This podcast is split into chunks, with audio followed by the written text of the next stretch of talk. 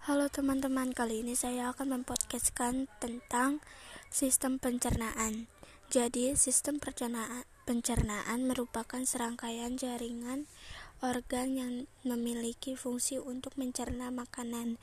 Makanan tersebut akan diproses secara mekanik ataupun kimia. Pencernaan secara mekanik adalah pencernaan yang terjadi dalam lambung yang melibatkan gerakan fisik dalam tubuh dan proses proses pencernaan secara kimia adalah pencernaan makanan yang melibatkan enzim. Pencernaan kimia ini bertujuan untuk mengubah partikel makanan yang kecil-kecil jadi bentuk yang siap diserap oleh tubuh. Sekian podcast dari saya Tiara.